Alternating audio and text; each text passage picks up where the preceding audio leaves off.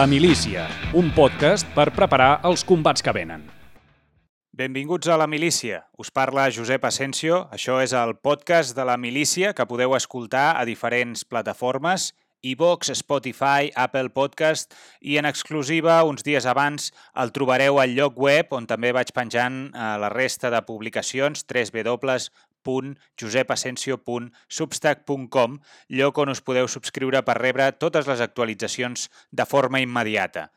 Avui anem a Nova York, on ens espera Miquel Vila, politòleg, especialista en relacions internacionals, creador del canal Com funciona el món, on podeu seguir l'actualitat de la geopolítica amb un llenguatge entenedor i amb una posició catalana autocentrada, cosa que és molt difícil de trobar als mitjans convencionals, per no dir impossible. Si no ho heu fet, recomano que entreu al canal de YouTube CFEM, de les cicles de Com funciona el món, i feu una repassada dels nombrosos vídeos sobre Turquia, Xina, Estats Units, Tailàndia, etc etc. No hi ha un pam del planeta que li resulti indiferent. També us animo a col·laborar a mantenir el seu canal fent-vos patrons a patreon.com barra com funciona el món. És la segona vegada que tinc el plaer de rebre el Miquel Vila a la milícia i aquesta vegada el punt de partida són les tribus digitals, també anomenades tribus memètiques, aquestes xarxes d'afinitat que es construeixen a través de les plataformes socials i que estan darrere dels últims esdeveniments polítics a tot arreu i que marquen una tendència en el futur a curt i mig termini. Parlarem amb el Miquel per aclarir conceptes, per delimitar fins a quin punt aquest procés de tribalització és inevitable o és una moda dels Estats Units i de com afecta tot plegat el nostre racó de món per si ens pot servir per donar-nos claus de comprensió sobre el guirigall que tenim ara mateix a Catalunya.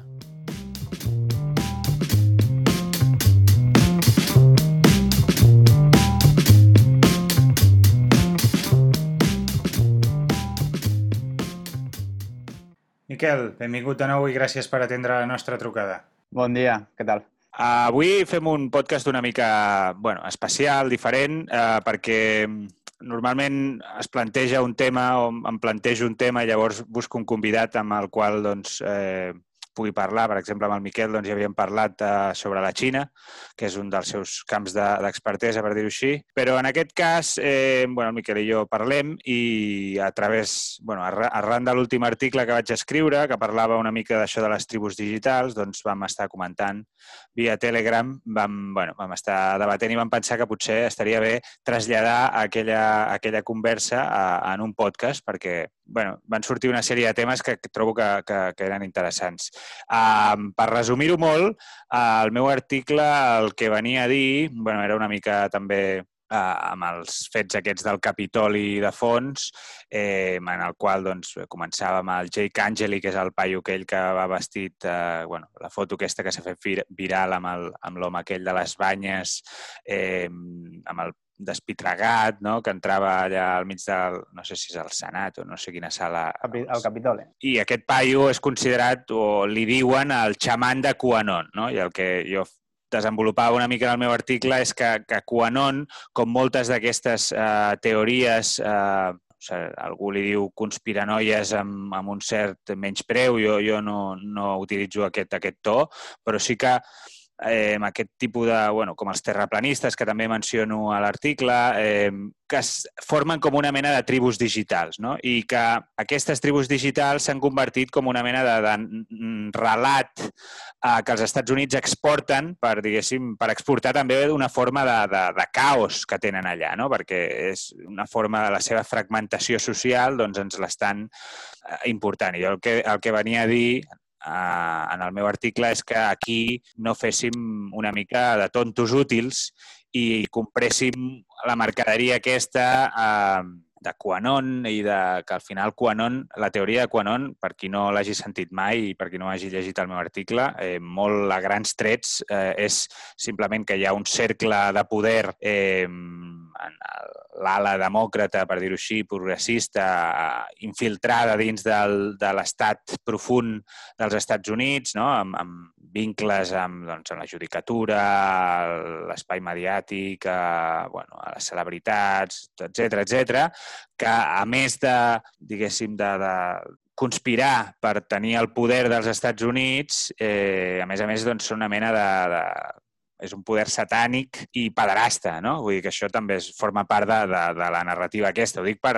perquè la gent se situï en quin nivell de, de estem parlant. I llavors, doncs, bueno, el, el que venia a dir, entre altres coses, és això que aquí, jo de vegades, parlant amb algun col·lega, no sé si tu, Miquel, t'hi has trobat, però que de vegades eh, et, et parlen en uns termes que em recorden molt a, a, als de QAnon, no? I, I pensava, ostres, és que aquí el que passa és que eh, molta gent està comprant aquestes, i amb la pandèmia, amb el Covid-19, doncs encara més, perquè tot això de, dels covidianos i la pandèmia i tot això, doncs eh, ho ha anat a, a, incrementant i, i a, a, el que jo veia o el que veig és que a la porta d'entrada de totes aquestes teories a l'estat espanyol és, mm, és, bueno, és un, un espanyolisme bastant desbocat, no? Vull dir, el patriotismo i, i, i el, hay que luchar contra el globalisme. Vull dir que és, és un tipus de discurs que eh, potser ens l'estem menjant amb patates, no? I, i, I aquí el Miquel, doncs em sembla que tu el que m'apuntaves és que, bueno, potser sí,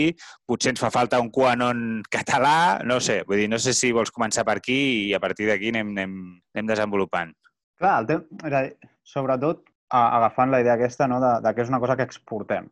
Clar, això és una cosa que, que es diu sovint, però al cap i a la fi mm, la nostra matriu cultural avui dia uh, està totalment integrada dins la matriu cultural nord-americana. És una cosa que es deia antigament abans, no? que es deia abans existia una civilització europea crec que hi havia diferents cultures, uh, no? i una d'elles era la cultura nord-americana, avui existeix una civilització nord-americana i hi ha cultures europees, que bàsicament és la situació que estem avui dia. Uh, per tant, clar, sí, eh, parla, hi ha gent que potser parlen els mateixos termes no? que aquests discursos de Quanon, però és que hi ha gent que parlen els mateixos termes que el que planteja els de Black Lives Matter, igual que hi havia gent que parlava amb els mateixos termes de l'època aquestes, no? dels, dels, uh, d'aquest globalisme més desenfrenat, de l'època dels emprenedors, de tota la cultura aquesta que li diuen no? de managerial, de, no? de tema de Wall Street, aquestes, no? com a, uh -huh el discurs aquest de, no, de la pel·lícula aquella, el joc de Wall Street, no? que,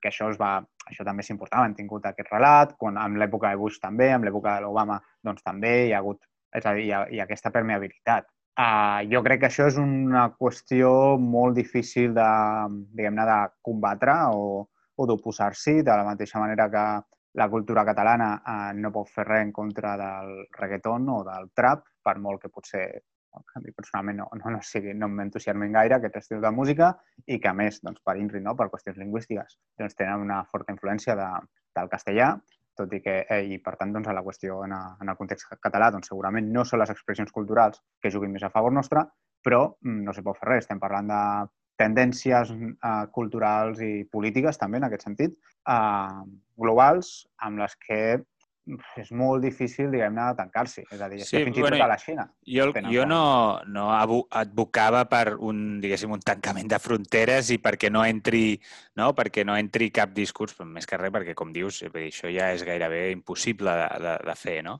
El que el que venia a dir jo és que això forma part de...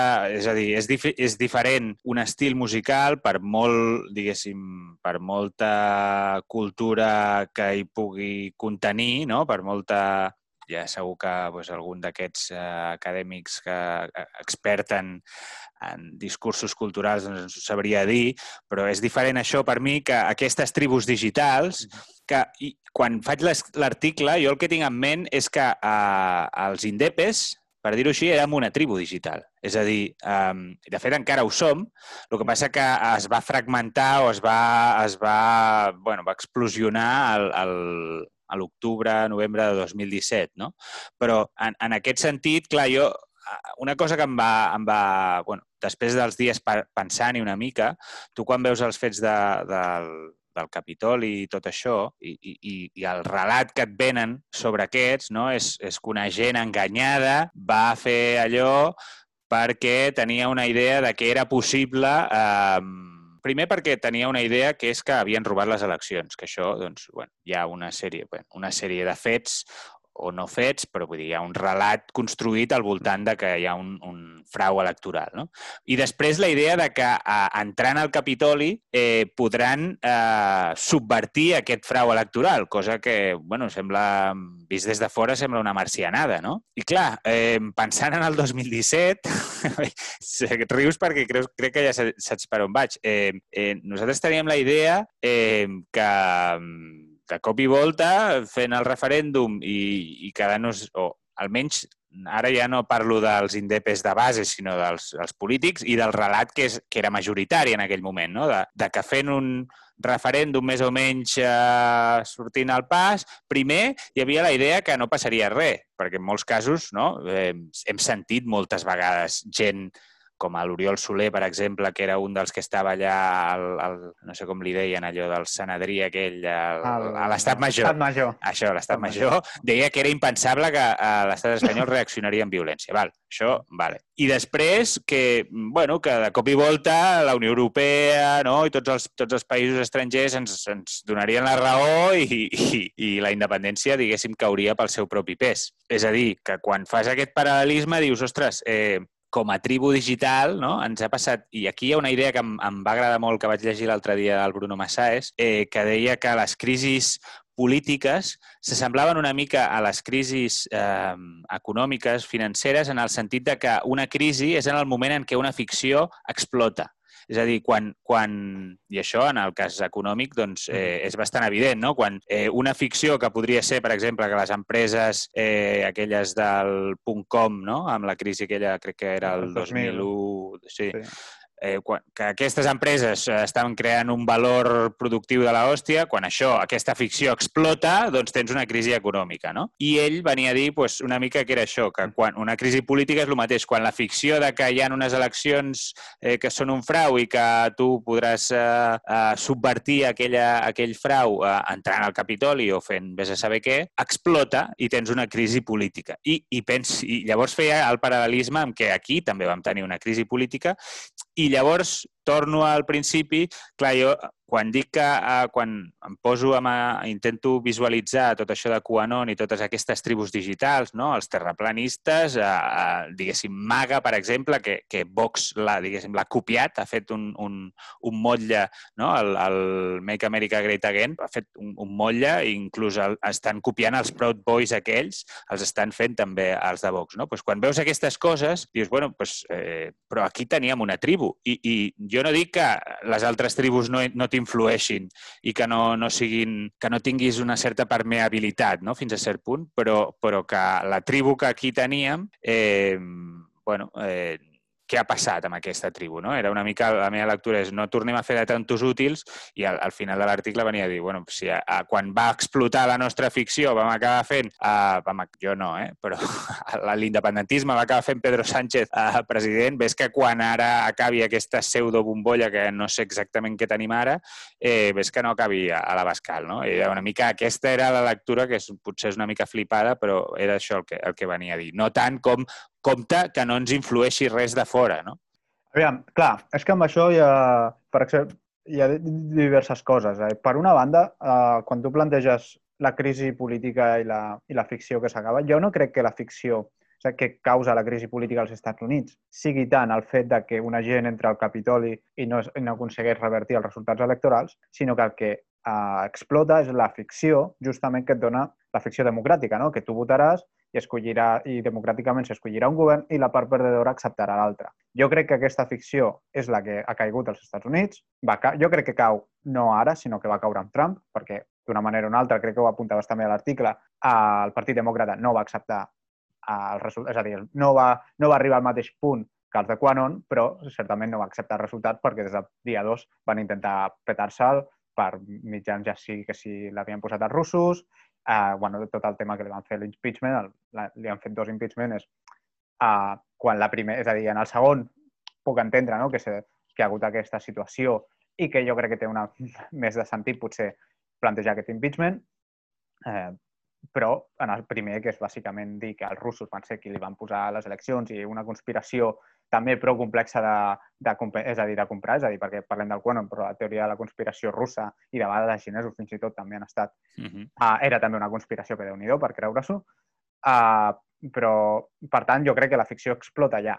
Uh, I això és... A, i el tema de lo de Quanon és simplement la continuïtat d'aquesta ficció, és a dir, de, de la ruptura de la ficció democràtica, que és la mateixa ficció que es trenca a Catalunya. És a dir, jo crec que uh, perquè el nostre sistema polític i no, el, els sistemes polítics liberals i la promesa del liberalisme, o sigui, de, del globalisme, no, de, era justament d'aquesta hegemonia liberal, és això, no? de que tu, si tu defensaves les coses de forma pacífica, si tu feies a, a, tenies a, eres capaç de fer una cosa democràticament no? i, de, i de mostrar un, un resultat democràtic, això tindria uns efectes. I llavors, la ficció que explota a Catalunya és justament la ficció democràtica que no, que, no, que no funciona en aquest sentit perquè fem un referèndum, eh, ho fem tot de forma pacífica i el resultat doncs, és tot el contrari. I jo crec que aquí, jo aquí faria la inversió, és a dir, és a través d'aquestes expressions, d'aquestes ruptures, d'aquestes ficcions democràtiques, d'aquesta ruptura, que comença a, que comencem a veure tot el que ha vingut després. I jo, per tant, no crec que sigui uh, no estan al mateix nivell, perquè, uh, és a dir, jo sé, el tema de Vox, el tema dels Proud Boys, uh, no és una cosa nova, és una És a dir, milícies uh, han existit, més als Estats Units ha existit. Uh, uh, L'esquadrisme, això també doncs, és una, eh, diguem-ne, és, és, és una cosa que ha existit sempre, de, des de la política de masses de la Revolució Francesa o, fins i tot abans. Uh, però el que veiem és, uh, és simplement una adaptació, però té molt més sentit. És a dir, en un moment en un moment de, de que l'alternança democràtica, no? de que aquests, que està fent aquesta, en aquesta ficció democràtica uh, va decaient, doncs el rearmament de les faccions internes d'una societat doncs té sentit, perquè justament la democràcia serveix perquè els, els conflictes polítics no els haguem de resoldre de forma militar. Però, clar, en el moment que la ficció democràtica cada vegada és més feble, no? és a dir, els de Vox no consideren que el govern de Pedro Sánchez o que qualsevol govern o que sigui legítim, no? perquè amb la seva també seva pròpia teoria, etc. I segurament si, hagués, un govern de Vox tampoc es consideraria, segurament a Catalunya no ho consideraríem legítim i altres territoris de l'Estat. Doncs, clar, en el moment que això, eh, que estem en aquesta situació, doncs és una ficció que té sentit. És a dir, jo trobo tot el sentit del món de que si tu consideres que hi ha un govern que vol destruir la teva forma de vida, eh, t'acabis preparant per defensar-te. Bueno, per, per això deies una mica que ens feia falta com un, un QAnon eh, català en el sentit de, i, i abans de que s'escandalitzin les tietes, eh, eh, en el sentit de que pintar el teu enemic com, com el dimoni, no? És a dir, una mica per això. Clar, no, jo, jo el que plantejava més amb això, clar, no, no sé si hem d'entrar també la teoria de la conspiració, és a dir, jo crec que totes, tot qualsevol gran moviment parteix d'aquestes teories, és a dir, les teories de la conspiració jo crec que tenen part de veritat, per això són tan efectives. Mm, sí, sí, clar. I, i, per la, I perquè és una acció política molt típica, la, de, la demonització de l'altre. És a dir, avui abans de fer això estava pensant en, a, jo què sé, la Revolució Russa, totes les històries de Rasputin, no? que, que al final tot això era per plantejar doncs, que el Tsar era doncs, que el govern del Tsar doncs, era justament això, feien orgies, un tio que l'estava controlant, raro, és a dir, que segurament allà també hi havia, no eren només els... No, no, segurament no seria una... No, no sé ara mateix fins a quin punt van ser els comunistes qui compraven aquestes idees, però el poble ho comprava. I vulguis o no, el que al final l'any 1917 va donar suport a tallar-li el cap al tsar, segurament hi havia molta gent que havia escoltat aquestes idees del Rasputin i de, i de les coses que es feien allà i tal, i que ja això va servir doncs, per construir aquesta imatge del tsar com una cosa decadent i que algunes serien certes, segurament, igual que si parlem de la monarquia del, del rei espanyol, doncs segurament, uh, doncs si algú diu que hi ha orgies a la zarzuela, doncs... Ningú s'estranyaria. Ho, ho, ho podrien comprar perfectament, no ho sabem. Mm -hmm. No, no tant, ho sabem. Clar, llavors és, no ho sabem tampoc, però, però hi ha coses que sí que sabem que ens ajuden a... I per tant, aviam, el tema dels Estats Units, del QAnon, per què s'aguanta? Doncs hi ha casos com el de de, de les elites nord-americanes que han sortit casos de, com aquell molt famós era O.J. Simpson, era un, o C. Simpson, és a dir, que, ha, que va ser un cas prou famós de, i, que, i, que, i que potser i que no necessàriament eren demòcrates, eh? però bueno, s'agafa Bueno, tenim Ah. el- tenim l'home aquest, l'Epstein, no fa gaire, eh, que es, Sí. es va suïcidar i ara mateix no em veuen els oients, però estic fent així amb el, com les, les cometes. Es va suïcidar, diuen, a, a dins de, de la presó, no? I que era... En, en Mm. aquest sí que està documentadíssim. I, de fet, hi ha un documental a Netflix eh, que també ha tingut certa polèmica perquè ha deixat fora molts... O sigui, aquest paio, l'Epstein, el Jeffrey Epstein, tenia una illa, o, o en una... No sé si era seva la illa, no, no sé exactament, ho dic totalment de- d'oïdes, però sé que en una illa eh, ell tenia un mega una mega hectà- vull dir, un- una finca gegant i llavors feia venir eh, noies eh, menors d'edat eh, i rebia convidats que eren doncs, de, de, de les èlits eh, als Estats Units, en molts casos doncs, del Partit Demòcrata. I en aquest documental de Netflix doncs, es veu que eh, queda fora molta part d'aquesta bueno, d'aquestes d'aquests convidats que tenia a la seva finca, no? I per Clar, és, té un sentit, és que, és a dir, clar, d'aquí a considerar que fan sacrificis humans i mengen nens i tal, és una cosa. Eh, també hem de tenir en compte que aquí hi ha tot aquest discurs, el discurs antiavortista, no? Que, és, no? que el fet de que l'avortament doncs, és un assassinat i, i la visió de, de, és a dir, la, la narrativa típica d'aquest sentit, en aquest sentit, doncs, és justament no? que l'avortistes doncs, maten nens i, per Mhm. tant, doncs, eh, és a dir, que hi ha narratives que d'alguna manera ja estaven i que, i que, i que es combinen i construeixen aquestes teories de la conspiració que tenen un cert sentit, és a dir, que, que prenen el seu sentit perquè hi ha una, diguem-ne, una part de- d'elements que poden ser certs o que, o que ponen a qüestió de les elites i el control de, jo què sé, el fet de que, tots, que Twitter, Facebook, Instagram eh, li censurin a Trump, doncs aviam, és que és justament el que t'estan dient els de Quanon que passaria, és a dir, perquè hi ha unes elites i que, i que no, els de Silicon Valley, les elites liberals de les costes, que tot això ah, té una, és a dir, és que la història encaixa perfectament, és que, és que li farà un impeachment i que d'alguna manera és, és a dir, com no pots pensar que una gent tan poderosa no t'està robant les eleccions? És a dir, és, és a dir no, òbviament no pots no pensar-ho, però vull dir que la història uh, té la seva té la seva, el seu reforçament i que no és una cosa nova. El que és nou és el que dius les tribus digitals. Això és el...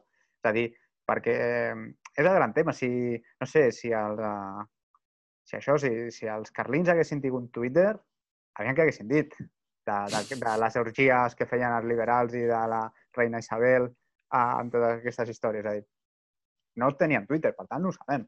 Uh, el que també, no sé, si autors que tenen molt de renom i oh, no sé què, mm, que jo que sé, que avui dia sabem tot, totes les merdes de tothom. Però jo que sé, uh, el, el Marx tenia pinta de ser un bon gilipolles. Vull dir, però si hagués tingut Twitter, uh, hòstia, segurament molta gent l'hagués odiat. És a dir, ara tu, hi ha una història, un doctorant no?, que fa una biografia seva on t'expliquen els drets bruts, però que això queda allà i no s'ho llegeix ningú. Mm. Però, clar, avui amb el Twitter, doncs tu tens un autor que dius, hòstia, aquesta persona diu coses molt interessants, però al Twitter pues, se li escapa, o jo què sé, ara estem tenint aquesta conversa que potser uh, algú dirà, hòstia, què, què diuen aquests? quin parell d'imbècils, no? Clar, és a dir, seríem... I, però que això fa un segle, doncs ningú ho sabia. I, bueno, doncs, també és la nostra societat. I, és a dir, que hi ha coses que han canviat, però de vegades els canvis... Tam, és a dir, agafem un compte aquesta maximització dels canvis, podria dir. Jo- O sigui, perquè ara el que tenim és un altaveu més potent, que és diferent.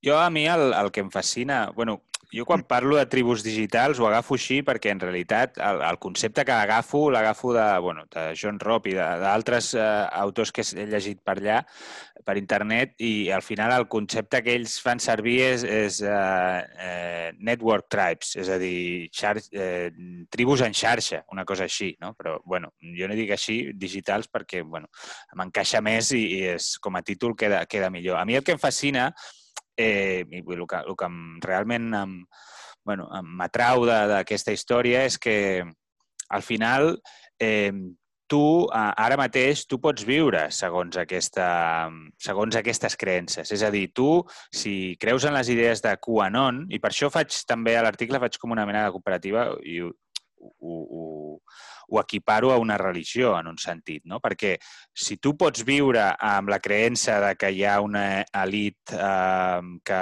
això, que veu la sang dels nens i que, i que roba eleccions, etc. la teva comunitat, eh, tots els, de, els teus amics o les teves d'allò creuen en això o, o, o si més no, mm, pots treballar amb el que sigui. Vull dir que això no t'impedeix eh, res. Llavors, eh, és lògic que, vull dir, per posar un altre exemple, uh, ja són aquests que es diuen els preppers, no? aquests, uh, aquesta gent, que també són dels Estats Units, eh, que creuen que la fi del món és imminent no? i que llavors es preparen, compren eh, conserves, compren equipament de bueno, armes, eh, fins i tot es construeixen un búnquer a sota terra, no? i aquesta gent té una comunitat que tots creuen en el mateix. Llavors pues, surten a, al cap de setmana, se'n van a fer pràctiques de tir, eh, practiquen com muntar i desmuntar les armes, com viure sols al bosc. Si... No? Vull dir, és a dir, tu pots crear, ara, avui en dia, eh, i això també ho facilita molt les xarxes, tu pots crear una comunitat al teu voltant amb idees eh, que no, no, que potser són minoritàries o no, però que vull dir que, que estan bastant en fora de, de lo que seria el mainstream, però no, no, no, no et suposa cap impediment en la teva vida diària. No? Igual que amb la religió, per exemple, tu pots creure en Déu i pots tenir molta... Vull dir, et, et cases i fas una sèrie de rituals i això, en principi, vull dir, no t'afecta en el teu dia a dia. Clar, en, arriba un punt en què si aquesta xarxa, o sigui, si, si es prenen molt en sèrio la seva, la seva aquesta creença, pot ser que llavors acabi patant i pot ser que s'acabi produint una crisi d'aquestes, no? Eh, I llavors, és, és, això és una idea també que també diu el Massà, és, és un tio que, que m'agrada perquè eh, el tio li, li, dona, li dona voltes, que ve a dir una mica això, que diu, bueno, és que els Estats Units estan diguéssim, estan explorant un, un tipus de, de, de llibertat que és diferent a la, a la que hem tingut. És a dir, tu ho deies abans, el liberalisme, la idea les democràcies liberals, eh, en teoria, són, són les més obertes, són on, on hi ha més llibertat, no? Però la llibertat s'acaba fins a cert punt, perquè tu, eh, sí, tu ets lliure de fer, de fer el que vulguis, però no pots fer, en realitat, no. No? Vull dir, és, és... I en canvi, el Massà diu, als Estats Units el que s'estan explorant és eh, en què la gent pugui viure segons els seus desitjos i això es fa gràcies a, a, les, a les xarxes, bàsicament, no? perquè això et permet connectar-te amb gent igual que té els mateixos inquietuds que tu, et permet eh, difondre les teves idees, etc etc. no? I això és, eh, em sembla, bueno, em sembla eh, que és la part nova, entre cometes, de, de, del, del que del que estem vivint, i a la vegada també em sembla que és un símptoma de la desintegració social, perquè al final una societat no s'aguanta en milers de xarxes, milers o centenars de xarxes de que, que, que no tenen cap mena de cohesió social, és a dir, que estan desvinculades unes de les altres. Saps? Això només ho aguanta l'Estat. I si, I si al final totes aquestes eh, xarxes al final eh, no tenen cap confiança en les institucions, perquè això és el que estem veient també, que, que, que hi ha una desconfiança brutal. I quan tu deies que, que hi ha una part de veritat en, la, en les conspiracions, en, la part de veritat que hi ha, bàsicament, és, és que no et pots creure quasi res, no? I això, i això és, és, és, és, és, clar, el que aguanta les societats és, és la confiança en, en, en els diners, per dir-ho així, no? En, en què el, un estat pot emetre deute, per, perquè és la primera ficció de totes, no? Si això es desmunta, mm, no sé, no sé cap on anem. És, aviam, hem de tenir en compte també que la tradició nord-americana ha sigut també sempre... És a dir, jo és el que deia, jo crec que ara és una qüestió de magnitud, és a dir, perquè el, els Estats Units es, constitu, es constitueix en, en base doncs, a diferents onades de, de comunitats, no? primer exiliats religiosos, eh, prote eh, bueno, protestants de diferents seccions, eh, de, diferents als anglicans, bueno, diferents eh, grups religiosos que, que venen de, no, els puritans, que els fan fora d'Anglaterra, i, i que una mica es constitueix, a, és a dir, la desconfiança a l'Estat és una cosa molt forta als Estats Units sempre.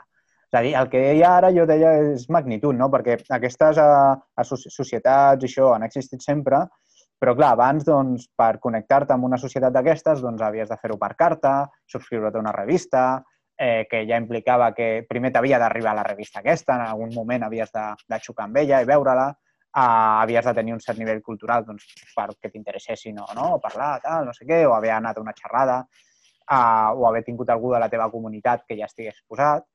Però avui dia sí que és cert que amb la teva amb l'ordinador doncs, tu tens capacitat d'accedir, òbviament, també d'alguna manera has de buscar coses que estiguin remotament relacionades o, o en, un, en un cercle no? que d'alguna manera s'hi connectin.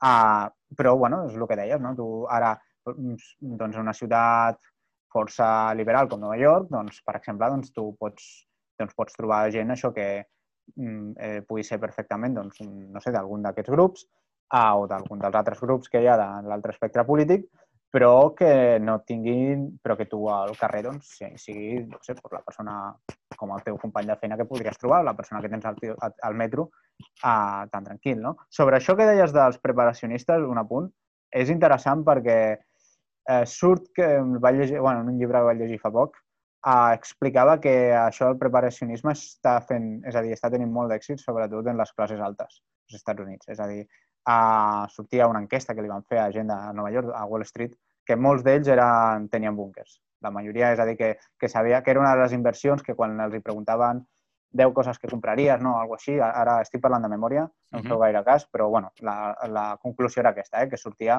com que el tema de tenir un búnquer i un lloc per preparar-se no, no estava, és a dir, era una de les d'esto. És a dir, que això potser abans era una qüestió de quatre friquis o de l'època de la Guerra Freda, no? de gent molt, que estava molt ficada que els russos ens bombardejaran i hem de sobreviure, que, com deia, no? que una teoria de conspiració, però que tenia cert. O sigui, podia haver una guerra nuclear, vull dir, això no ho hem d'oblidar, ara ens sembla no va passar, però era una realitat i, per tant, tenir un búnquer a casa teva on poguessis salvar la teva família, doncs no era una idea descabellada. Dir, una idea que si la podies fer, doncs la feies. És a dir, uh -huh. eh, no, no, no era una, una tonteria avui, doncs, bueno, aviam, tal com estan les coses, doncs tampoc sembla... Uh, potser no per una guerra nuclear, però potser, jo que sé, per un conflicte civil no seria una, una idea del tot eh, estrambòtica. Però dit això, uh, el tema aquesta de les, de les tribus i, i portant una mica de nou a, a la qüestió catalana, el fet de, de que l'entrada de tot això vingui per un espectre, és a dir, com bé deies, eh, que vingui per via de Vox, eh, òbviament i que és una adaptació també, perquè les adaptacions de, de Vox, doncs, a, a més del tema de les elites globalistes, etc., doncs sempre apareix el jueu català, que és l'enemic típic de, de l'estat d'aquestes conspiracions, que tampoc és nou, és a dir, és que no, no és nou, és, és a dir, això ja ens ho deia, això el, el Quevedo ja, ja ho tenia amb els seus, uh -huh. és a dir, els seus, amb els seus poemes en contra dels catalans i en contra dels jueus, vull dir que bàsicament feia una, una alegoria. I, i de fet, l'esquerra espanyola, doncs, gran part del seu discurs, no? que sempre estan a punt de fer una revolució, però arriba el burgès català que se la carrega, misteriosament, sempre. Uh, sempre ha sigut així, no? tot i que al final sempre acaba per l'altra banda. Però jo crec que aquí hem de, hem de, hem de, és a dir, hem de distingir coses.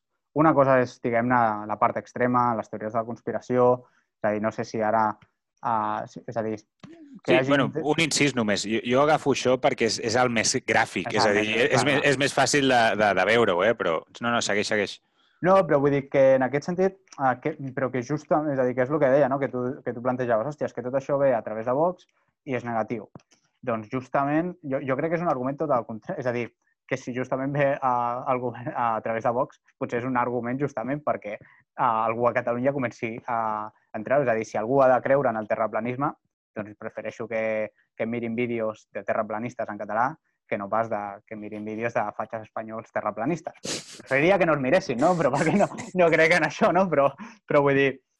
Però sí, preferir... no, que, que hi, ha un, hi ha un nínxol, no? Com deia el Conrad sí. Son. Que hi ha... Sí. Clar, un nínxol no és porno, clar, òbviament. És a dir, tothom el porno català, no? Doncs també ha d'haver... És a dir, entenc que ha d'haver-ho i això és les teories de la conspiració. Una altra cosa és clar, tota la crisi del globalisme, és a dir, no sé, de vegades, eh, jo quan parlo, doncs de vegades a molta gent li sonarà, hòstia, aquest sembla que sigui d'un d'aquests de, de, del Trump o del Quanon, això, quan critica el globalisme. És a dir, és a dir jo tinc, en aquest sentit, és, és una, comparteixo, eh, no comparteixo la crítica en el, en el mateix marc, però sí que la, la idea és, a, és el mateix, és a dir, hi ha una crisi del sistema globalista eh, liberal, vull dir, això des de fa uns anys, que jo crec que ha sigut un sistema que en general, sobretot, ha sigut una ficció nociva perquè prometia les seves promeses eh, estaven molt allunyades de la realitat. És a dir, jo la, la ficció que construeixen els grups, diguem-ne, uh, aquests grups de, diguem-ne, comunitaristes de, de, o de, no? que, poden, que tenen l'expressió a l'extrema dreta, però al final també als Estats Units el que estem veient és un bunkerització de totes les comunitats. Mm -hmm. És a dir, és a, és a, tu agafes Netflix i tens la sèrie dels, de, no? una sèrie que d'una comunitat afroamericana, bueno, afroamericana. Ara sortia una altra que era sobre els rics asiàtics de Los Angeles. Ha també una documental força esperpèntic. Però bueno, dir, i que veus que tot el discurs és de...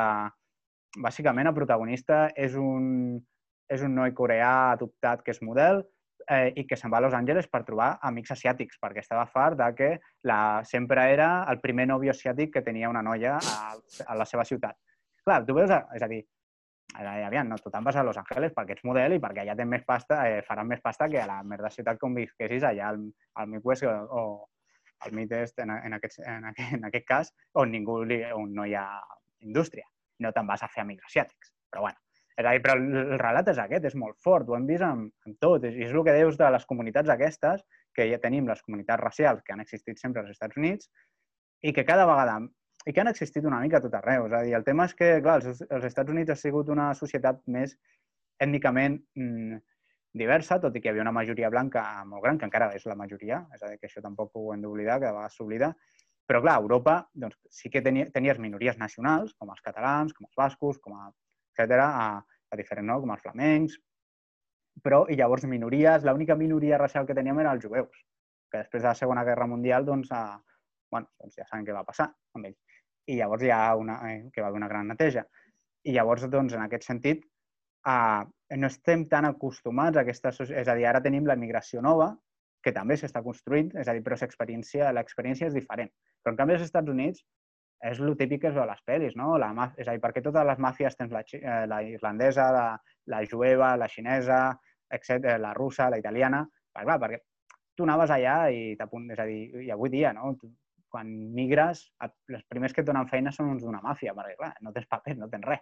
Són els que et donaran feina i, per tant, eh, no hi ha res, ningú, ningú mirarà per tu. És a dir, llavors, clar, és una tradició que tenen aquí molt, eh, molt forta, que Europa és una cosa més ha existit, però no, exist, dir, no existia tant, diguem-ne, dins la mateixa ciutat. Tu dins la mateixa ciutat, a no sé que fos una ciutat molt gran, és a dir, tu tenies, jo sé, a Barcelona no hi havia el barri català, el barri i el barri castellà, és a dir, això és una cosa més aviat potser nova, d'ara, però històricament no existia. Tenies un barri que potser era més d'esquerres, un altre més de dretes, però que era dins del mateix grupillo.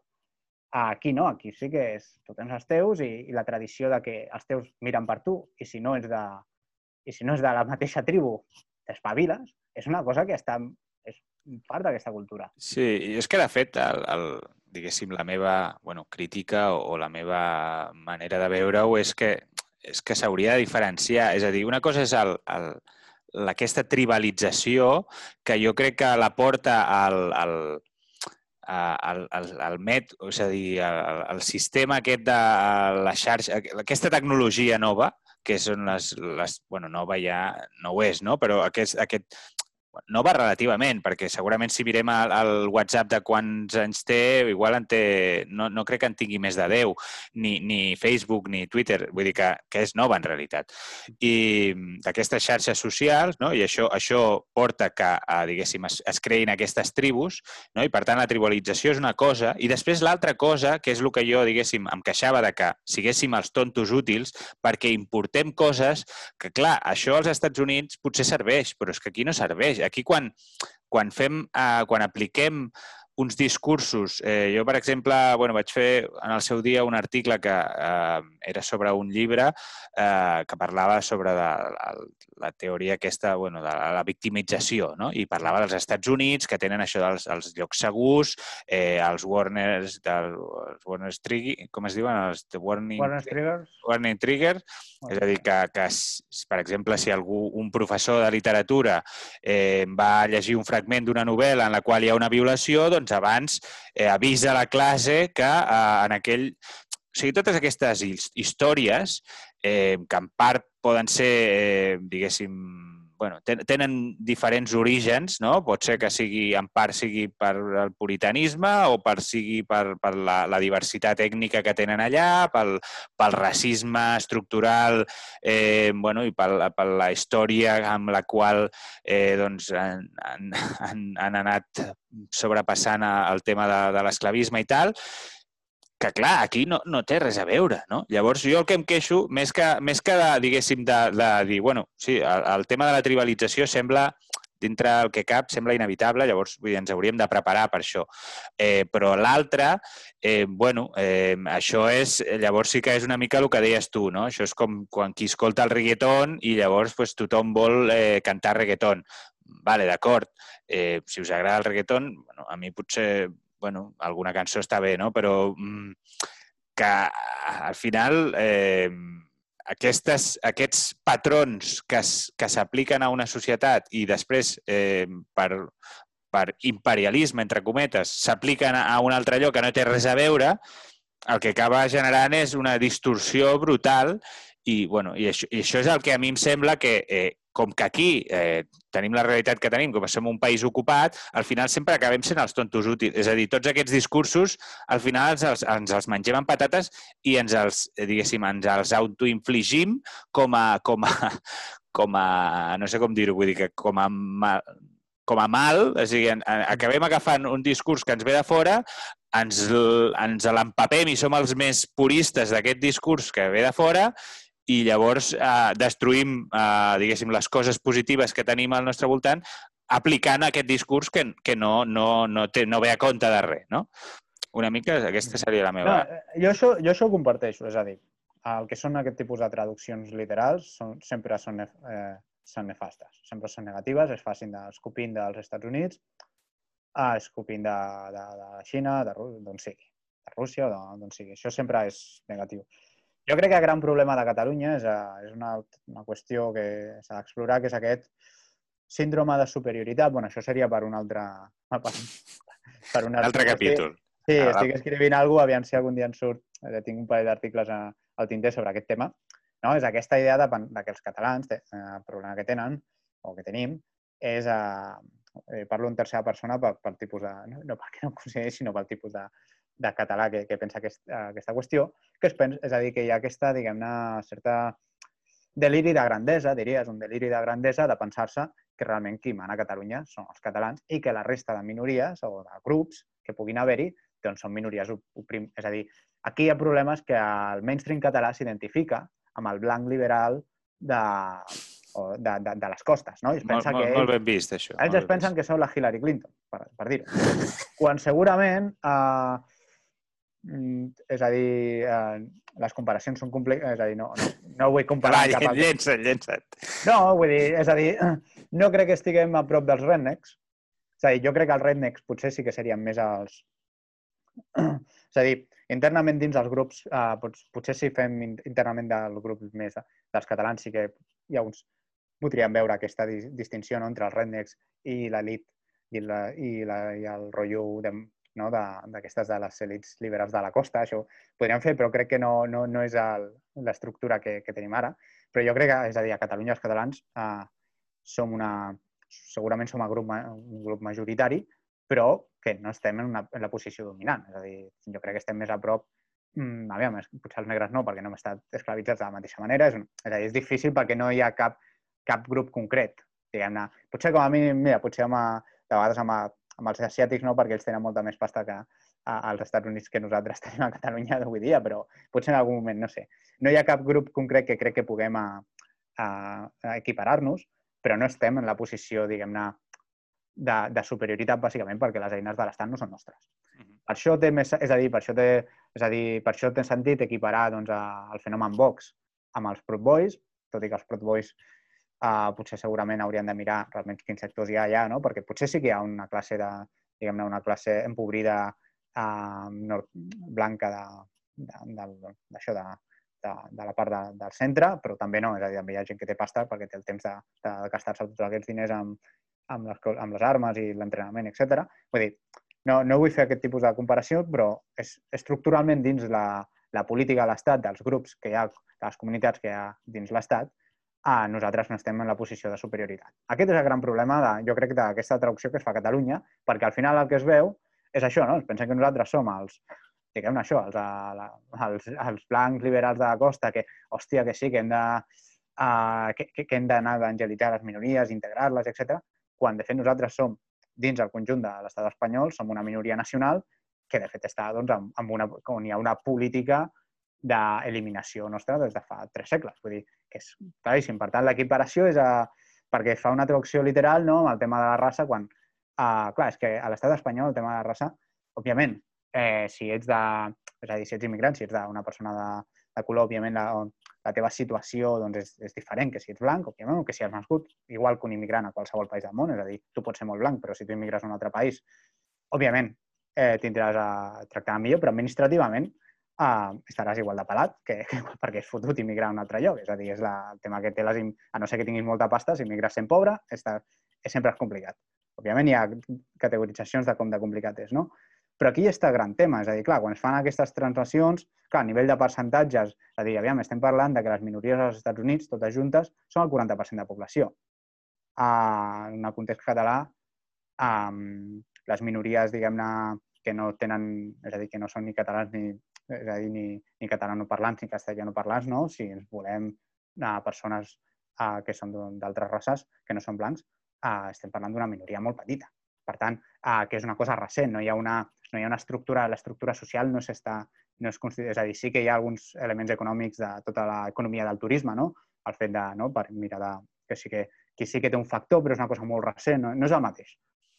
I en aquest sentit, i no és el mateix la, la posició que ocupem els catalans dins aquesta jerarquia dins l'estat espanyol de les diferents comunitats, on encara la, la jerarquia més important eh, i que té un significat polític més determinant, que no vull dir que l'altre no tingui un significat personal per la vida de, de, de, de, de, de diferents grups que hi ha a Catalunya i a l'estat espanyol en aquest sentit, uh, és, la, és de la qüestió nacional, és a dir, és la, la minoria nacional de la que formes part perquè és la que està, és a dir, és la que està integrada dins de com funciona la política de l'Estat i l'estructura d'aquesta jerarquia dins l'Estat.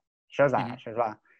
És a dir, clar, aquí el tema és que les traduccions que s'han fet de tot això, eh, sobretot en l'ecosistema cultural català, doncs ha sigut, això, traduccions literals, on et venen a parlar de que, eh, no sé, quan crítica de, oh, és que només hi ha, eh, només hi ha, només hi ha blancs a, al govern o coses d'aquestes, dius, aviam, vale, sí, que, sí que a Catalunya ara hi ha un percentatge de la població que no és blanca, però, hosti, no, no en comparis, que estem parlant de, és a dir, un... Sí, sí, clar. Units, és a dir, estem parlant d'un 10% de població és negra, un 20% de població són asiàtics, no sé quin percentatge, és a dir, no, crec que és un 10 també, 10-15, 20% hispans, és a dir, estàs parlant d'un 40% de la població en total, diferents minories també molt diverses entre elles, vull dir que, que també això és una cosa que, bueno, que, és, que, és, que a mi em fa, fa molta gràcia quan aquí la gent a certs discursos parlant de la cultura asiàtica, que a mi això m'explota el cap. Estem parlant d'Àsia, que és un continent bueno, super immens, és el continent més, dels més grans de la Terra, però bueno, això m'explota el cap les construccions que es fan.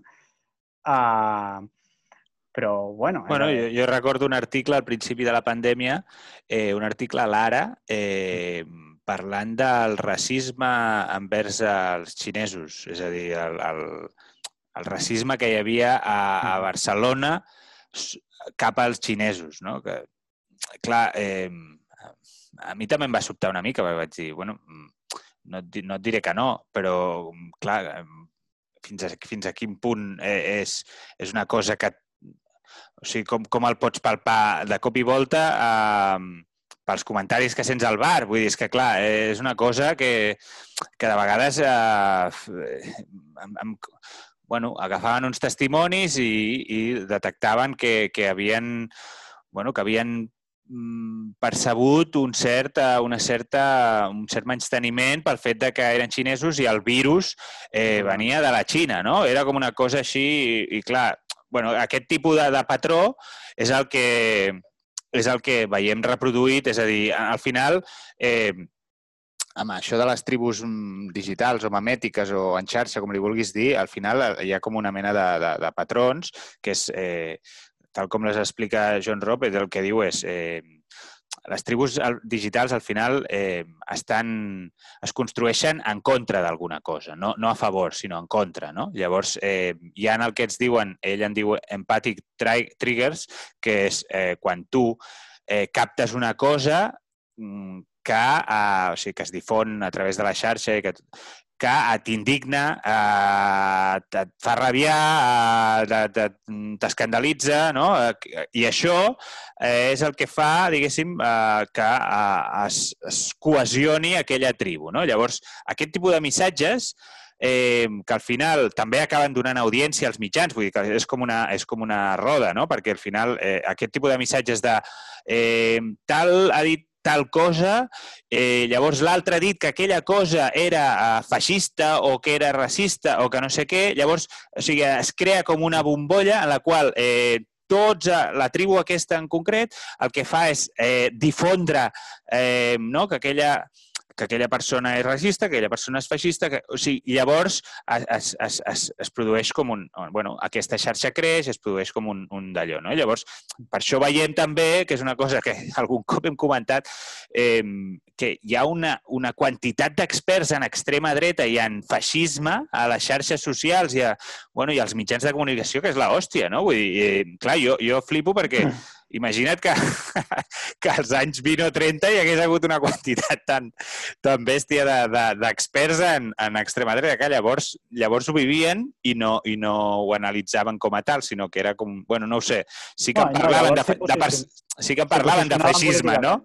Sí, clar, clar, era, era diferent. O eren, però... o eren d'ells o estaven en els grups diferents exacte, i, exacte, i si tant... no els agradaven pues anaven a fotre els trets, que és el que feien en aquella època, no? Però tant d'expert no, no hi havia, no? Vull dir, diguéssim, clar, aquesta és una d'aquelles coses que, que, que, que em té fascinat, no? I que a les xarxes et trobes això, i dius, hòstia, quina quantitat de gent que en sap un colló, però clar, si al final eh, el, teu, eh, el, teu camp, el teu camp de domini de negoci és eh, detectar actituds feixistes, que és l'una de les coses que també em queixo de vegades, és que tot és feixisme, no? Llavors, clar, és, és, la, la si tu tens un martell, eh, tot et sembla un clau. Eh, llavors, al final, eh, això també crea, primer, que hi hagi això, una tribu a una, una de les tribus digitals, que és aquesta, a, a, que també és una translació de la que hi ha als Estats Units, que és l'antifa aquí, no? que, és, que no, no té res a veure amb l'antifeixisme, diguéssim, de veritat, o, o, el, o, o diguéssim, el que era als anys eh, 30, 40, etc. no? I posterior. És una cosa diferent, no? Vull dir, crec que jo... tot el que ha sigut aquí... Eh, durant els anys 90... Exacte, durant els anys 90. Sí, sí, vull dir que té l'origen a llavors, i que, i que s'ha arribat fins ara, però que ara és una cosa totalment diferent, almenys tal com ho percebo, eh? Vull dir, no... Sí, sí, sí. I que es crea aquest, aquest tipus de... de... Bueno, és, és un tema que, a més a més, és, és molt delicat, perquè, clar, òbviament, ningú vol que el situïn al costat del feixisme, no? Almenys, bueno, això m'ho explicava l'Alba Sidera, eh, a Itàlia sí que hi ha un cert orgull. Eh, suposo que, com que allà va perdre el feixisme, no? pues els feixistes eh, tenen un cert orgull en, en declarar-se feixistes, no? I allà, justament, el feixisme italià mira aquí i diu, ostres, com és, no? Els diu amb els feixistes espanyols, com és que vosaltres us amagueu de que sou feixistes? No, perquè aquí no, no està tan ben vist, no? Però Vull dir que, que en general, clar, ningú comenta aquest tipus de coses perquè, perquè clar, de seguida et pillen, et posen amb, amb el sac de, dels feixistes i llavors, clar, òbviament ning, ningú vol que el posin amb aquell sac. Eh. Jo, mira, jo sempre és una d'aquestes coses que sempre m'ha fascinat, és a dir, si no hagués hagut la Segona Guerra Mundial, no sé què haguessin fet els, els historiadors i els dels documentals d'història. És a dir, jo he vist documentals d'història de, de Hitler de tot que sí que menjava, que si el seu gos. O sigui, és una passada, és a dir, és a, Sí, sí. Uh, si, si no s'hagués si no suïcidat, jo crec que per royalties li... o si no l'haguessin bueno, Tu ja saps, tu ja saps que existeix un, existeix un documental, existeix una sèrie documental que diu que Hitler va fugir i es, i es va amagar a Sud-amèrica. Això no, no suposo que n'ets conscient. És, és una altra, sí, és una altra de les No, però dic que si pogués cobrar aquests royalties de, sobre la seva vida, persona, és a dir, és que tot, tot, de, de com es feia fotos, és a dir, coses interessants, és a dir, molt... però és una passada, és a dir, el nivell de llibres, de, de producció, doncs això és, és a dir, perquè és clickbait, és com en l'època de el típic treball de recerca sobre els skins, és a dir, això a batxillerat no, no sé la teva generació, però la meva era molt típic. Cada any hi havia un treball de recerca sobre els skins. Sigui que d'esto era perquè era clickbait i avui dia doncs, és, el, és un dels temes i bueno, és, una, és, una, és una problemàtica perquè no ajuda entendre la complexitat de, de la situació i també la, les diferències que hi ha entre el moviment, entre el que era aquell moviment el, i les coses que tenim ara. Igual que també doncs, a, a la premsa conservadora no es veu tant perquè no, no té tant de tirada, crec que com la, la premsa així més progre, però també doncs, tot el tema de les vinculacions entre els grups aquests antifas, etc amb revolucions comunistes, històries, quan, òbviament, no, no, no, no és, a, és a dir, són fenòmens diferents, que la parafernàlia pot ser similar, eh, que no dic que no, és a dir, no fa falta ser un feixista per, eh, per voler exterminar un grup concret o per tenir o per tenir o fotre-li un tret a algú i, i anar en contra d'un grup eh, religiós o una minoria o el que sigui, i tampoc, dir, tampoc d'altra banda, tampoc cal, és a dir, eh, això ha passat relativament, és una qüestió eh, històrica que ha passat moltes vegades i, per tant, no tots els moviments que volen fotre un tret a algú són feixistes o són revolucionaris socialcomunistes, com els agrada dir ara també a, a, a, a certa gent, no? quan, quan critiquen, ni aquestes històries. Vull dir, tenim la nostra pròpia època, els nostres propis cànons i les nostres pròpies uh, formes de funcionar i la nostra pròpia realitat també i, el per què això està passant. És a dir, jo crec que és la, la desintegració en aquesta confiança de l'Estat, que abans era de coses de sectors més minoritaris, que, que de fet jo crec que la gran novetat, a mi no em sembla tant que siguin que apareguin grups als Estats Units com els Proud Boys, quan això ha existit sempre, sinó la gran novetat és el fet de que quan van sortir les imatges d'algunes manifestacions de Black Lives Matter, on veies un món d'afroamericans amb metralletes. Això va passar amb els Black Panthers, però és que uh -huh. la novetat dels Black Panthers era això, perquè ells això no, no s'havia fet mai d'aquesta forma massiva i això es recuperava. Vull dir, uh, jo crec que aquesta és la, la tendència del que anirem veient a, en els propers anys, de que això proliferitzarà i ja no serà només d'uns sectors concrets d'un poder concret que era el tradicional, no? que eren aquestes milícies més del sud, no? sobretot al sud era on era més típic això, sinó que comencem a veure que això s'està extenent als Estats Units i que Europa tindrà els seus ecos. I el tema, la diferència, és que als Estats Units ells mai fan les coses a, a, de veritat, diguem-ne. Sempre, és a dir, ells fan una revolució, no? la seva revolució, tu compares la seva revolució amb la revolució francesa i, bueno, és a dir, posen en compte eh, posen un president que fa la figura del rei, eh, fan una revolució, diguem-ne, òbviament molt sagnant, però a França el que fan és, a França fa una revolució, diguem-ne, de veritat, és una nova època, nou calendari, eh, eh, no tallem el cap al rei, nova religió, és a dir, és un, el, el, el, el déu aquest que s'inventa, no? el déu de la raó, etc. És a dir, a, als Estats Units hi havia esclavitud, hi ha hagut no? divisió racial, etc. És, eh, diguem-ne, la separació, segregació. No, a Europa, quan fem una cosa d'aquestes, fem camps de concentració eh, i exterminem els jueus, que no sé què, punto. Uh, fem revolució socialista, doncs la fem revolució socialista. Al zar li tallem el cap, al gos del zar també li tallem el cap i els que s'hi fotin al gulag. És a dir, és, és diferent la forma de...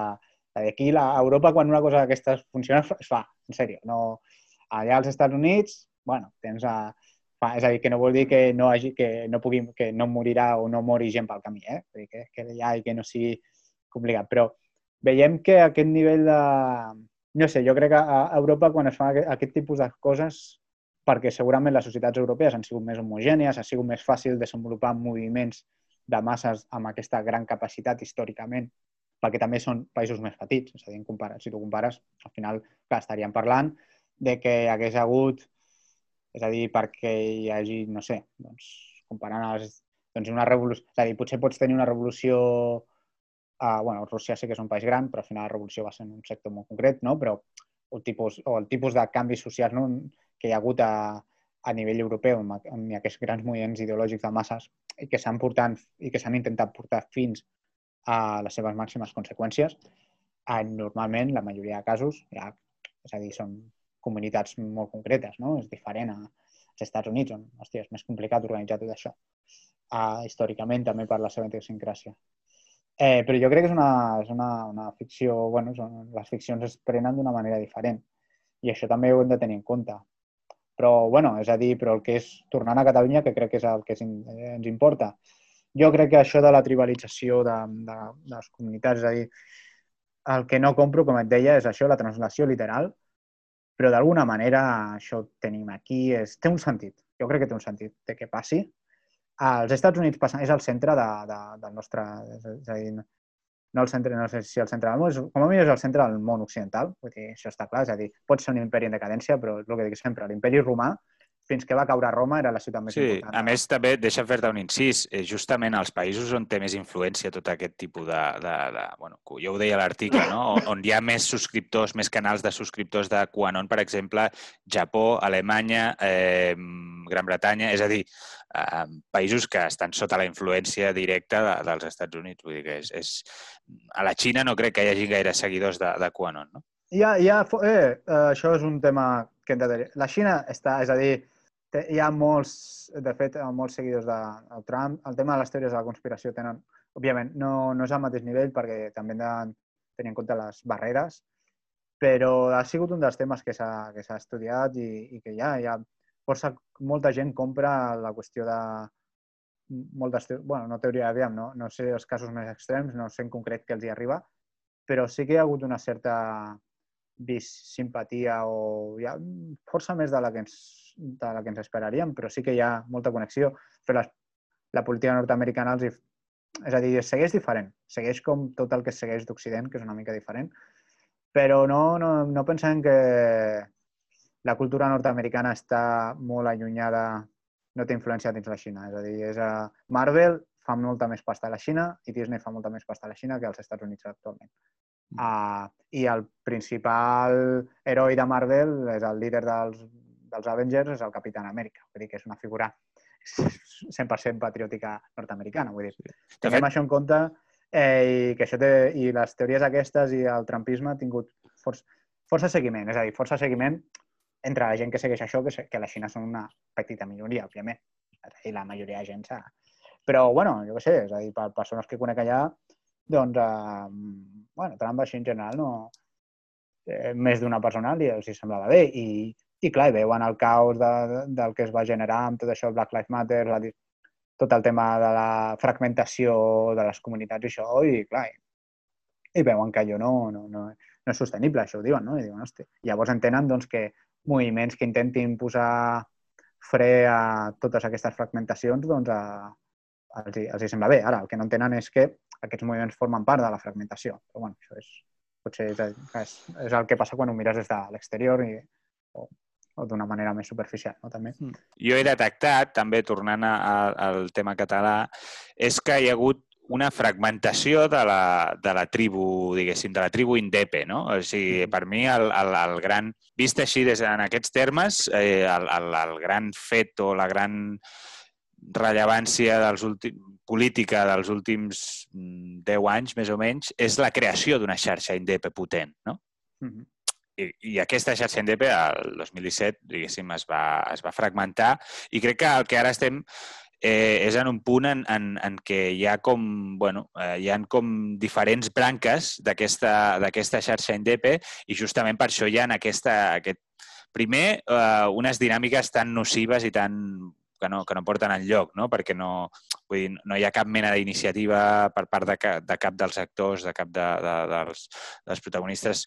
Eh, I després, eh, que és eh, no té força justament no perquè, com diuen els voltes i, i els altres il·luminats de, de, del món, que, no, que tinguem enfront un 50% o que no haguem aconsegut, no és per aquesta, aquestes tonteries, sinó perquè eh, justament aquesta xarxa s'ha bifurcat i està, doncs, està com si, el, si la xarxa INDEP recuperés, diguéssim, la, la, i no vull parlar d'unitat en aquest sentit que, que s'expressa de vegades, que només vol dir unitat unitat a, a, en termes electorals, o, sinó a unitat de, de propòsit, unitat, no? En aquell moment hi va haver, com hi havia com la idea que potser formava part de la ficció, però que en tot cas era una promesa plausible que era a la consecució, diguéssim, l'assoliment d'un estat independent, i que aquesta, aquesta ficció o aquest aquesta promesa, eh, perquè al final, diguéssim, no deixa de ser una expectativa i, per tant, doncs, és fic és ficció en el moment en què ja ho hem vist, però en aquell moment no ho era perquè, diguéssim, era un objectiu. Llavors, ara mateix, eh, ara mateix sí que és una ficció, no? perquè eh, en tot el, el camp aquest, aquesta xarxa està totalment desmembrada i està, bueno, hi ha aquestes, aquestes trifulques eh, amb unes, bueno, entre unes i altres.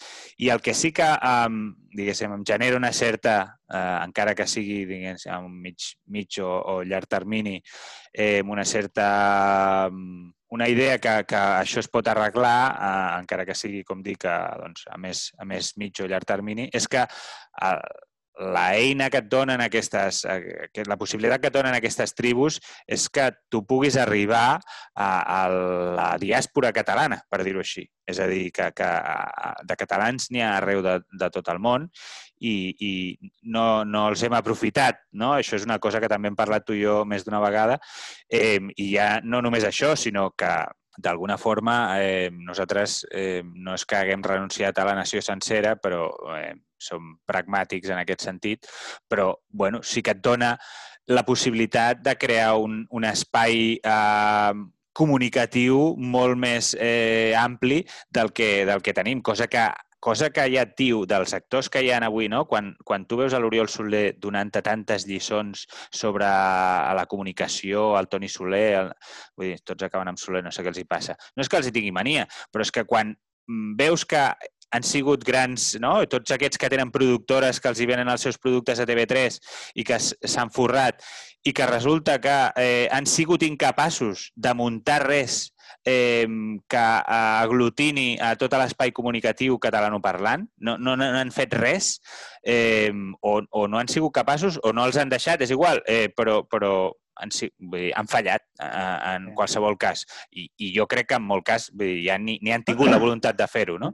Doncs eh, això crec que amb les eines aquestes que, amb aquestes eh, tribus digitals eh, sí que és un camp on, on es pot córrer, sempre i quan superem el discurs aquest de que el català està a punt d'extingir-se, que ens morirem tots i que tot se'n va a la merda, no? Que vull dir que això, bueno, ja està, vull dir, ho hauríem d'anar superant encara que vindran molt mal dades en, en els propers temps, eh? això no, no ho deixo... Jo crec que és justament aquest canvi de paradigma, és el que dèiem, acceptar que els catalans potser no han sigut mai, o potser en una època van ser, però el que era en el pacte de la transició, no? el que era la cultura catalana d'alguna manera era hegemònica a Catalunya, és a dir, que era aquesta idea de...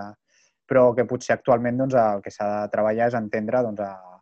que la cultura catalana és la cultura dels catalans, no? i per tant doncs, és la, la gent que vulgui no? que, que vulgui formar part d'aquesta comunitat o, o que s'identifica amb ella, doncs és la gent que ha de treballar-la i que, que s'ha de defensar i que, i que entre la gent d'aquesta comunitat doncs, crec que és, uh, és, s'ha, s'ha de, ens hem d'auto, jo què sé, la gent que fem coses en català o que ens identifiquem, doncs hem de col·laborar amb nosaltres i, i ser una... I en aquest sentit, té una identitat més autocentrada i no tant entendre encara en aquesta política evangelitzadora no? que s'intenta, quan això el que ens acaba fent és competir amb matrius culturals eh, molt més potents, és el que ho està fent tothom, és a dir, que, que no és una qüestió només de, uh, d'un, de la tele espanyola, sinó que és a, a nivell, no? És, és a dir, aquest comunitarisme no? que estàvem parlant dels Estats Units, d'aquestes minories, és una cosa que s'està expandint a nivell global. És a dir, l'altre dia vaig fer el vídeo aquest sobre Turquia, no? on explicava com el govern turc, eh, no, el, no tant pels turcs, sinó pels turcs concrets, no? els turcs practicants, és a dir, que, que són ara els que dominen l'estat turc i que fa servir la seva política exterior per a les seves minories, justament, doncs, construir aquest vincle i que sortia doncs, coses a nivell d'Alemanya, com havia crescut l'autoidentificació de la diàspora turca més cap a Turquia que no pas cap a Alemanya. És a dir, quan abans era... És a dir, la tendència era al contrari, no? que s'identificaven més amb Alemanya que no amb Turquia, però des que està l'Erdogan, que ha fet una política com tu, a, la, a la diàspora, que l'està, és a dir, que està invertint recursos en això, doncs uh, justament s'està donant el contrari. Jo crec que això està passant en molts grups a nivell del món i els catalans en camp, encara estem en un altre paradigma. Estem en aquest paradigma de, diguem-ne, paradigma de, en el paradigma francès de, de principis de segle, no? de mirar d'assimilar tot, com si la Generalitat, no? aquesta ficció de la Generalitat, fos el nostre, el nostre estat i nosaltres tinguem el control absolut quan el que es trenca amb el 2017 doncs és la fi d'aquesta ficció. És a dir, mm -hmm. va, tota la ficció autonòmica, de la democràcia, etc. Correcte. Repenta.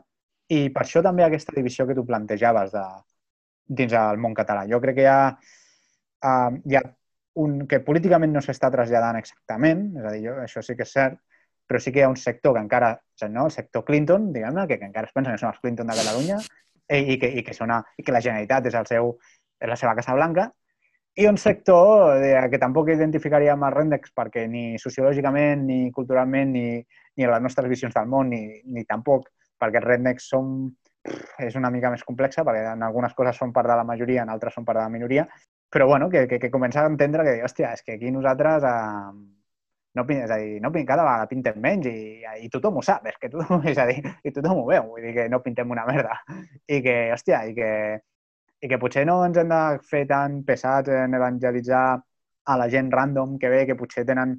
És normal, jo que sé, que, que és prou normal, no? que l'exemple que sempre és la cambrera equatoriana del Supan de Barcelona, doncs difícilment aquesta persona es posarà a aprendre català perquè segurament té unes, moltes més prioritats i, a més, eh, pot sobreviure perfectament sense aprendre i ni que tots els catalanoparlants estiguin parlant català tot el dia uh, dubto molt que és a dir, comenci a aprendre-ho per això, vull dir, és a dir, tindrà altres històries, no? Uh, bueno, potser és, a, sí, sí, potser és el tema, és, eh, en comptes d'anar a matxacar aquesta senyora, doncs potser és uh, més interessant doncs, anar doncs, allà en el sopar on t'entenguin en català, doncs vas en aquest punt i, i intentes anar més en aquell. I ja està, eh? vull dir, i si l'altre, i si realment el negoci de, de l'altre sector doncs es veurà afectat, doncs ja tindrà incentius per canviar. I si, i si li funciona el seu negoci, li funcionen els dos, doncs mira, doncs cadascú aquí farà la seva vida com bonament pugui, no? Eh, jo crec que és una mica aquest canvi de mentalitat que políticament no sé com s'estructurarà, eh, però jo crec que sí que serà la nostra, seria la traslació una mica sana d'això que estàvem parlant avui, subòptima, perquè òbviament és molt millor la política assimilar a tothom i tenir aquestes capacitats, seria el més òptim, però la realitat és que no, no podem fer-ho, ni perquè no tenim els recursos d'un estat, ni tenim els recursos de... És a dir, que fins i tot ser un estat seria complicat, perquè hi ha estats que, és a dir, França no pot fer-ho, és a dir, hi ha estats que no estan podent fer avui dia. Sí, bueno, això és una de les coses que també és un dels, de les ficcions més grans que hi ha, que quan tinguem un estat resulta que de cop i volta eh, tothom parlarà català, quan bueno, hi ha ja. casos pràctics com el d'Irlanda que demostren que això eh, no, és, no és així, no? Però bueno, mmm, Uh, jo crec que... Sí, sí, és, un altre. Un altre capítol, no? Però crec que encaixa amb tot això. Jo crec que és la nostra translació una mica d'aquests debats i d'això i, com, i com realment és... Bueno, quin sentit té tot això? Bueno, és complexa, però bueno, és la gran... És el que plantejaves, aquesta ruptura, d'alguna manera s'està articulant en aquests termes, però sense una concreció. Seria Bé, en tot cas, mm, nosaltres eh, crec que bueno, hem donat alguns temes eh, de, de debat, i vull dir, hem aportat algunes idees de, per, per, perquè la gent hi pensi i que pugui doncs, eh, tindre el seu propi punt de vista, que és eh, del que es tracta. I, per tant, jo ho donaria ja per, per acabat, si et sembla bé que eh, suposo que aniràs a, a veure l'estàtua de la llibertat o... No, aquests ja, ja els he vist, ja els he vist, ara no. És tort. Molt bé, doncs tenim un corresponsal a Nova York. Si, si passen, si la cosa va, va mal dades allà, eh, doncs ja, ja sabem a qui trucar. Sí, sí. Moltes gràcies, Miquel, i, gràcies i fins la propera. La propera.